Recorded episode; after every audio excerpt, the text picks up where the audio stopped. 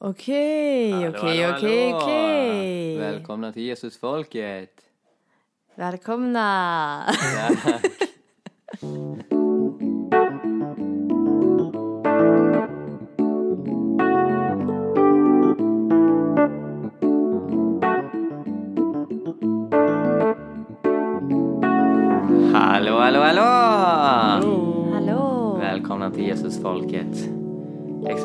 Sara Stenmark. Tack så mycket. Tillbaka igen. Yes. Hur känns det? Det känns väldigt bra. Ja, jag förstår det. Varmt välkommen. Ja.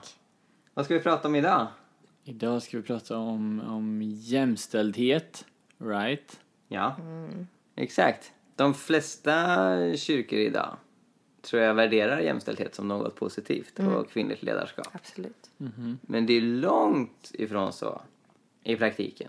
Och sen finns det ju en gammal teologisk motivering till att göra skillnad på kvinnor och män.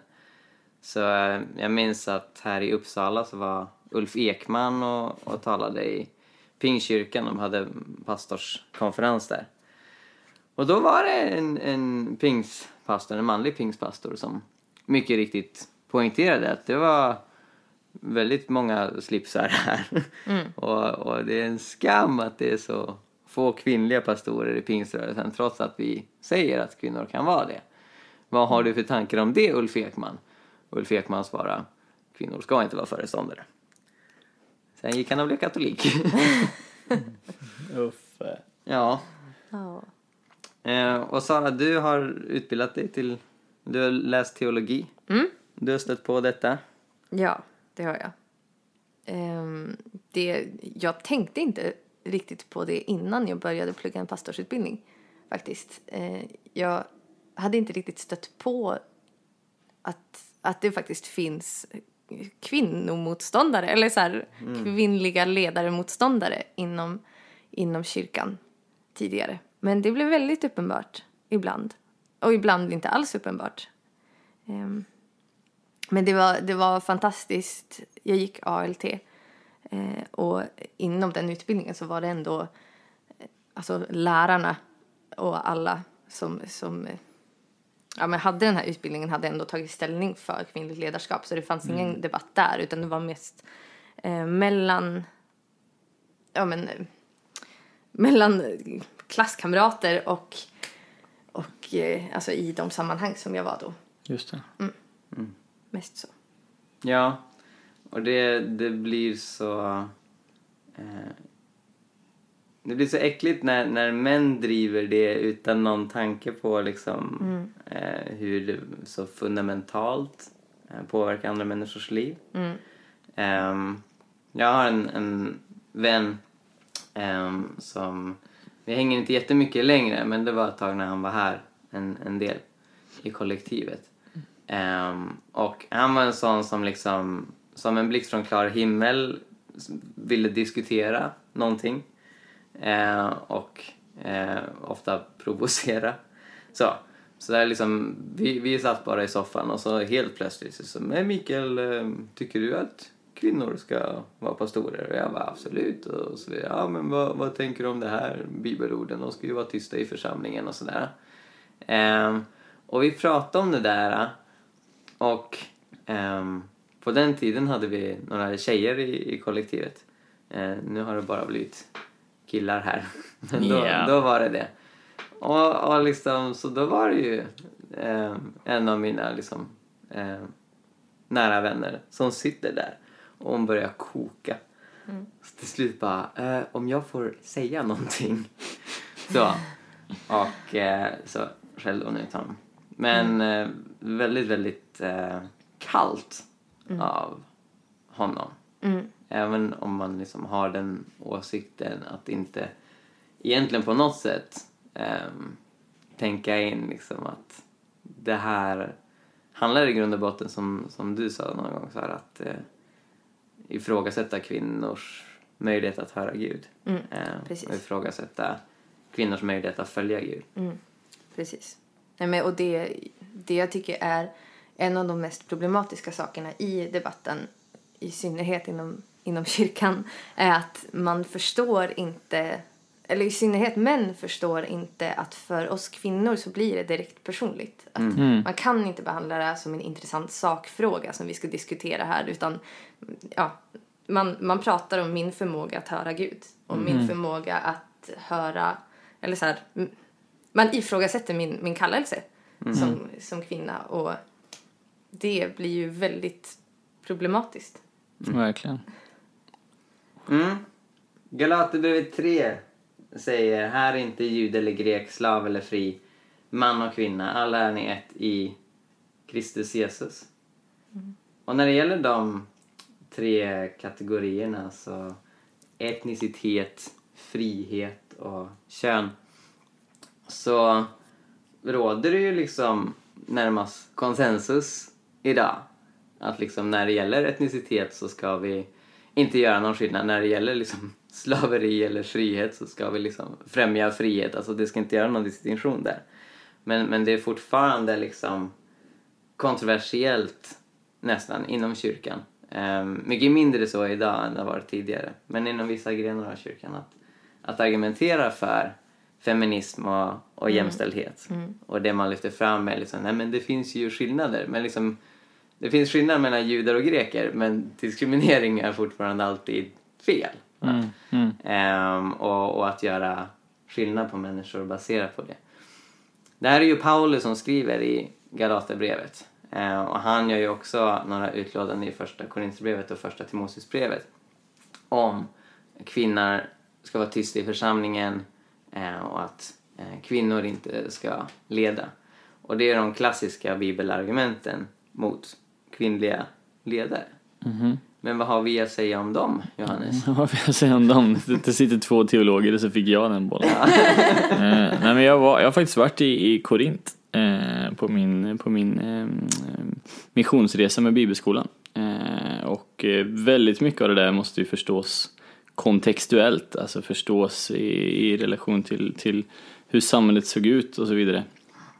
Ehm, jag tror att Eh, ni kanske har ännu bättre koll men, men, men vissa av de här sakerna hörde ju till att eh, till exempel så fick inte kvinnor gå i skola på den tiden. Eh, och, och då ger Paulus rådet att ja, men det kanske är bättre att, att ni, ni pratar om, om vissa saker hemma istället. Istället för att avbryta allt under, under samlingen och sådär. Mm, Mm och det finns ju många sådana exempel. Ehm, täcka håret och sådär. Och det, ehm, ja, det är viktigt att, att försöka förstå ehm, sammanhanget som det skrevs i. Ja, alltså egentligen är det typ ingen kyrka, förutom kanske någon sekt någonstans, som följer det här. För det som du säger, det han skriver i första Korinthierbrevet 14 är att, att eh, kvinnorna ska tiga i era församlingar, de ska inte tala, de ska underordna sig, vill de veta något ska de fråga sina män där hemma. Och liksom så här, äh, katolska kyrkan tillåter inte kvinnliga präster, men de tillåter absolut att kvinnor talar i församlingen. Liksom. Det är närmast en, en icke-fråga och de allra flesta andra församlingar som inte har kvinnliga ledare, liksom, de får ju prata i församlingen. Som det också säger, så några kapitel tidigare så talar han om vikten att en, en kvinna ber eller profeterar eh, med en, en huvudduk med en niqab på sig. Eh, och hans argumentation är att det här är självklart. Det, det är lika självklart att hon ska ha huvudduk som att kvinnor måste ha långt hår och män måste ha kort hår. Vilket inte är någonting Bibeln någon annanstans säger. Mm. Och som inte kan vara en universell princip. Det finns alltså många kvinnor till exempel i Afrika som alltså inte kan få långt hår i den bemärkelsen. Mm. Så det, det är väldigt uppenbart och han, han hänvisar till det här är vår sed ehm, och, och så vidare. Ehm, om någon har lust att strida mot detta så kan vi veta att vi inte har någon sån sed. Liksom. Det är ganska uppenbart kulturellt bundet. Mm. Eh, och därmed så går det inte att göra liksom en universell evigt gällande princip av. Mm. Men, och jag tycker att det är ett ganska logiskt bibelord. Alltså just att kvinnan inte ska... Eh, att kvinnor inte borde undervisa just i den, alltså i den situationen som han skriver till här för att kvinnor var analfabeter. Mm. Eh, och en analfabet som gör bibelutläggningar kan bli ganska problematiskt för Mm. att man blir ju väldigt, eh, alltså det är lätt att bli väldigt, väldigt okritisk för att man har Mm. ingenting att, att eh, pröva det mot. Ja. Eh, och har man då inte tillgång till det så kanske man inte ska ehm, undervisa.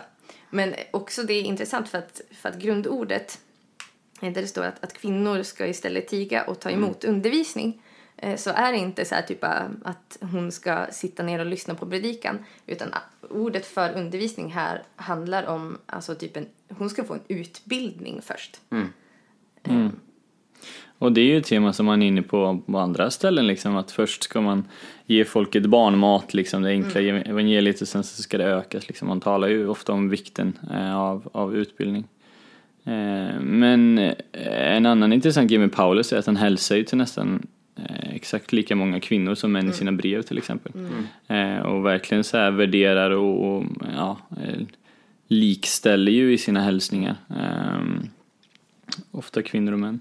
Eh, sen har vi ju alla exempel på hur Jesus behandlade kvinnor på ett sätt som fullständigt gick emot eh, seder och normer och bruk också. Liksom. Bara en sån sak att, att eh, det var kvinnor som var första vittnen till att han uppstod fast en kvinnor som vittnen inte var särskilt ansedda om man säger så. Det var ju inte... Det var inte vittnesgilla Nej. överhuvudtaget. Nej men exakt.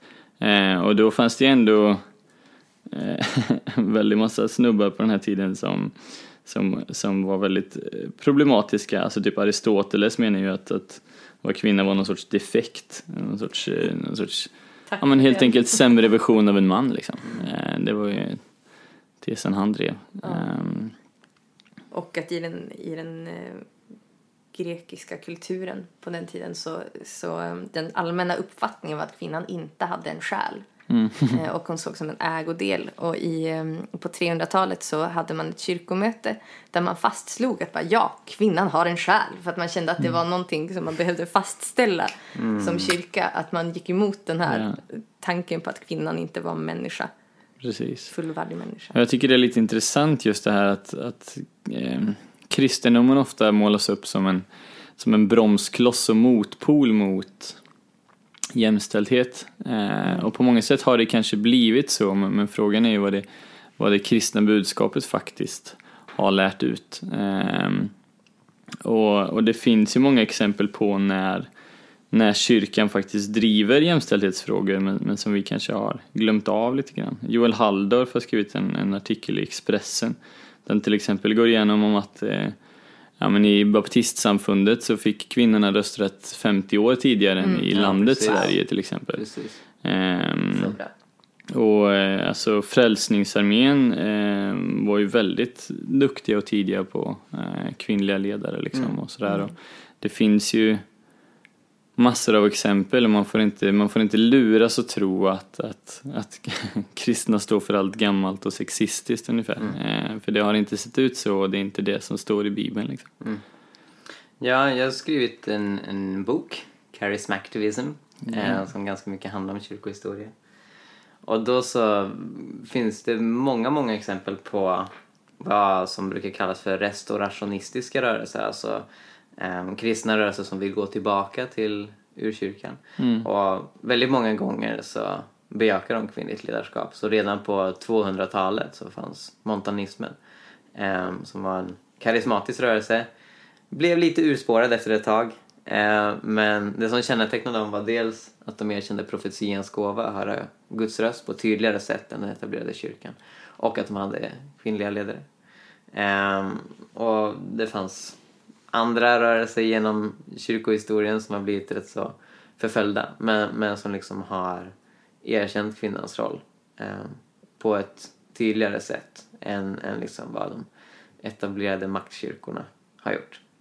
Anabaptismen till exempel på 1500-talet erkände kvinnligt ledarskap och flera av de eh, radikala väckelserörelserna i USA på 1700-talet och 1800-talet och så vidare. Mm. Mm. Så kan man säga att Jesus var feminist? Ja, Amen. det tycker jag. Ja, jag tycker det är nice. Jag hade faktiskt ett samtal med två vänner här i stan. eh, vi, de diskuterat så många män eh, svarar på frågan är du feminist? det beror på vad du menar med det. Eh, och jag har nog också sagt ganska mycket så. Eh, men jag har ändrat mig nu, det, det är dumt. Jag ska säga att i grund och botten så är man antingen feminist eller sexist. Eh, och sen så Ja. är, det, är det definitivt så att feminism är ja, men ett vidare begrepp och, och, och det finns ju olika versioner av, av feminism och det är inte så att man behöver signa upp sig på allting men jag tror på ett sätt att det ändå är bra att erövra feminism som, eh, som jämställdhet. Ehm, och eh, det ska vara oproblematiskt. Eh, Det är oproblematiskt. Och jag tänker att det är lite samma sak som att jag säger att jag är kristen trots att jag inte håller med om det alla kristna överallt tycker och tänker. Eh, Men jag använder det ordet ändå och lägger ner en, alltså min innebörd i det och lever vad jag tycker att det betyder. Ja, ja men Eh, på samma sätt så menar jag att jag är feminist även om jag inte håller med alla feminister om allt vad de Ja. säger. Du är kristen fastän Donald Trump säger att han är kristen. Ja, precis. Donald Trump, USA. Ja. ehm, men Så internt. Det där är alltså typ tioåriga cheerleaders som öppnar Donald Trumps eh, konvents på så sätt. ja. Det är- Enemies of freedom. Come on boys, take him down. det, det, det kommer inte göra er till bättre människor att titta på den videon. Men den är Sök på rolig. Trump-sång. Nej, Jo, nej. okej. Eh, tillbaka till ämnet. Eh, hur kan vi främja jämställdhet mer i kyrkan och samhället? Ja. Jag tänker att eh, dels så män kan göra väldigt mycket eh, sant. genom att Alltså för det, det blir ganska svårt för oss som kvinnor att tala i egen sak. Eh, och finns då den här tanken, alltså lite att man nedvärderar kvinnor omedvetet så blir det så bara, men lilla gumman, det är ju tråkigt att du känner så. Eh, Medan om män också tar upp debatten och vågar stå för kvinnors... Ja, men, alltså att, att kvinnor kan lika bra som män så, så tror jag att det skulle göra jättemycket. Mm. Ja, men jag tror mycket handlar om om man ändå mm, våga inse att, att vi alla på något sätt är påverkade av ohälsosamma normer liksom. Eh, och att vi måste, man måste jobba med sig själv. Ehm, och jag håller helt med dig om att eh, eh, jag tror det är helt fel väg att gå och, och, bara uppmana tjejer att tuffa till sig typ. Utan det, det handlar om så mycket mer, vi måste ha ett mycket mer holistiskt angreppssätt liksom. Absolut. Och ja, det är klart att man måste jobba med, med ja, men, kvinnors självkänsla och, och, och, och liksom empowerment liksom. Men, det handlar ju till högre grad om, om männen. Det är ändå vi som är problemet liksom. Det är vi som måste det är vi som är den stora bromsklossen. Eh, det är vi som har skapat den enda bromsklossen som finns hos kvinnor typ. Så, ehm, så jag tror verkligen att vi måste ransaka oss själva och vara medvetna om, om alltså en, en sån intressant grej som jag kommer ihåg från min uppväxt, det var min mamma har alltid varit högstadielärare. Eh, och, och hon sa, bara så nämnde så här att, att hon hade sett en undersökning om hur mycket mer pojkar pratar i klassrummet, alltså Ja, ja, svarar på frågor och sådär än kvinnor. Så jag kommer ihåg att jag väldigt tidigt började så här Ja, man sitter och ändå analyserar lite och så bara, ja, men nu har vi haft en diskussion här, det är ändå typ så här 75% grabbar, väldigt ofta som snackar. Fastän grabbarna generellt sett också hade mycket sämre skolresultat och egentligen var sämre på att plugga. Eh, vilket ju bara är skevt. Eh, så ja, men det är mycket sånt som, som kanske inte är helt bekvämt men det är vårt ansvar liksom att att vara medvetna och försöka förändra oss. Mm, precis, och att, att eh, män kanske behöver träna sig på att lämna plats. Verkligen, exakt. verkligen. Du har pratat en del om det, Mikael. Oh ja. Ja, absolut, absolut. Och att eh, om man har liksom ansvarsuppgifter att eh, ha något, något grundläggande kanske, åtminstone i början kvoteringstänk som förhoppningsvis blir mer naturligt liksom. Så, eh, tror jag absolut nödvändigt och som, som jag själv har strävat efter. Yeah.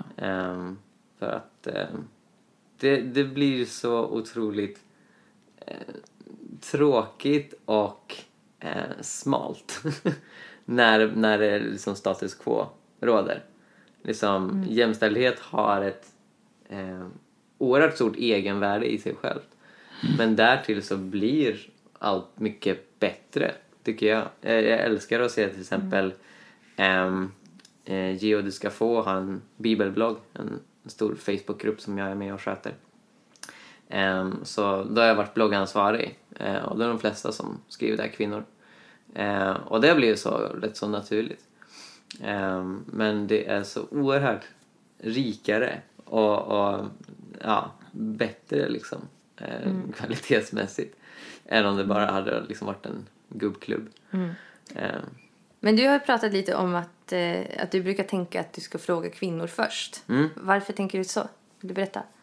Ja, det, det har varit för att jag märkte för några år sedan att om jag bara går på liksom, eh, ja men det här eh, blir bra liksom så här om, om jag till exempel skulle planera någon, någon möteshelg eller eh, kontakta folk för en antologi. Ganska många av de här projekten blev inte av. Eh, men också ja, men så här, gästskribenter på bloggen. Så liksom tänker jag ut folk som jag tycker är bra, liksom så här, ja, men bra i Guds rike. Och de flesta som jag tänker på är män. Um, och till en början så var det nog mer så här, ja fast då kanske folk kritiserar mig för att liksom vara eh, ojämställd, vilket jag ju var. Um, så till en början så var det lite mer så här, ja men jag, jag försöker hålla utkik för, efter kvinnor, vilket jag tyckte det var svårt. Um, men sen blev det liksom så här, um, alltså här lättare och lättare och, och, och um, förstås mer naturligt.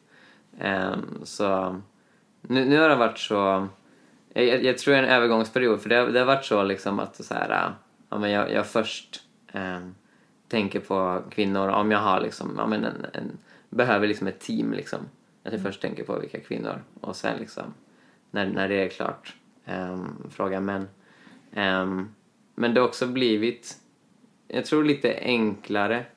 Um, för en ganska känd problematik i det är ju också att, som du beskriver, det här klassrumsfenomenet hänger kvar. Män har mycket lättare att, att säga ja än, än kvinnor även om viljan att säga ja är densamma. Så. Ehm, men jag vet inte, mitt intryck är att även det har ehm, blivit lite lättare. Att kvinnor jag frågar för liksom, ja, men ansvarspositioner kan säga ja lättare nu än för sju år sedan. Mm. Ehm, ja, men absolut. Så, så för mig har kvoteringstänket hjälpt mig i, i liksom mitt eget liv eh, som ledare. Ja. Och sen en annan sak bara om du pratade om eh, tidigare här att, att jämställdhet har ett värde i sig själv. Vi har ju inte gått från den vinkeln så mycket nu men, men alltså det finns ju en enorm radda problem med hur vi har byggt upp eh, en, en ohälsosam manlig norm. Eh, Alltså mer än, mer än dubbelt så många eh, män tar självmord som kvinnor till exempel i Sverige varje år. Eh, och det finns ju en, en enormt utbredd kultur kring att man inte får vara sårbar eller, eller ehm, känslig eller, eller så. Och inte öppna sig och att det ska vara grabbigt och, och häftigt liksom. Eh, och det är bara i grund och botten fel och inte- heller någonting som, som jag ser som, som det övergripande i min bibel liksom. Utan det är mycket, mycket mjuktuffa män eh, i bibeln. Ja, ehm, som vågar vara väldigt tillgivna och, och liksom skriver uttryckligen liksom jag, jag gråter eh, när jag tänker på er och, och såna här saker. Eh, och det måste vi också erövra eh, igen. Och ytterligare perspektiv ehm, som relaterar till vår allas utbildning egentligen. Globalt sett så är ojämställdhet ehm, förfärligt dödligt. Och det, det, alltså fattigdomen och ehm, problemen i världen är aldrig jämställt fördelade utan det är alltid kvinnor som, som drabbas hårdast. Och, och det är få saker som så tydligt och, och radikalt kan bekämpa fattigdom och, och förändra Alltså hela familjers levnadssituation som ökad jämställdhet. Om då inte vi är konsekventa på hemmaplan och, och strävar efter fullständig jämställdhet så, så kan vi liksom i vår mission eller globala arbete liksom ehm, inte vara lika rakryggade. Ehm, så även utifrån den aspekten för att hela världen ska bli bättre så måste vi omfamna feminism. Alltså vi måste omfamna strävan efter jämställdhet. Jag hörde någon siffra någon gång, nu minns jag inte exakt om det här är rätt, men, men eh, på att om, om man skulle kämpa för kvinnors rättigheter globalt så skulle det finnas, jag tror att det var 159 miljoner färre hungriga i världen. Eh, vilket är ganska stora siffror och ganska sjukt att, att så mycket kan bero på, på att man inte värderar kvinnor. Mm. Och att det är svårare att vara kvinna i världen. Japp. Ja, och så var det här läskiga fenomenet med missing women i framförallt Asien. Ehm, över 100 miljoner kvinnor som borde ha funnits där statistiskt Ja. men som aborteras bort eller ehm, ja, Döda mördas. som spädbarn. Döda Mm. som spädbarn. För att ehm, det är bättre för familjen att ha en man eller en son. Det är objektivt sett väldigt dåligt Ja, Ja. och ska bekämpas. det ska Amen. vi göra. Ja, tack för ett eh, väldigt bra poddavsnitt. Ja. Tack själva. Be the change. Sverige. Amen. Hallå. Hej då! Hej då.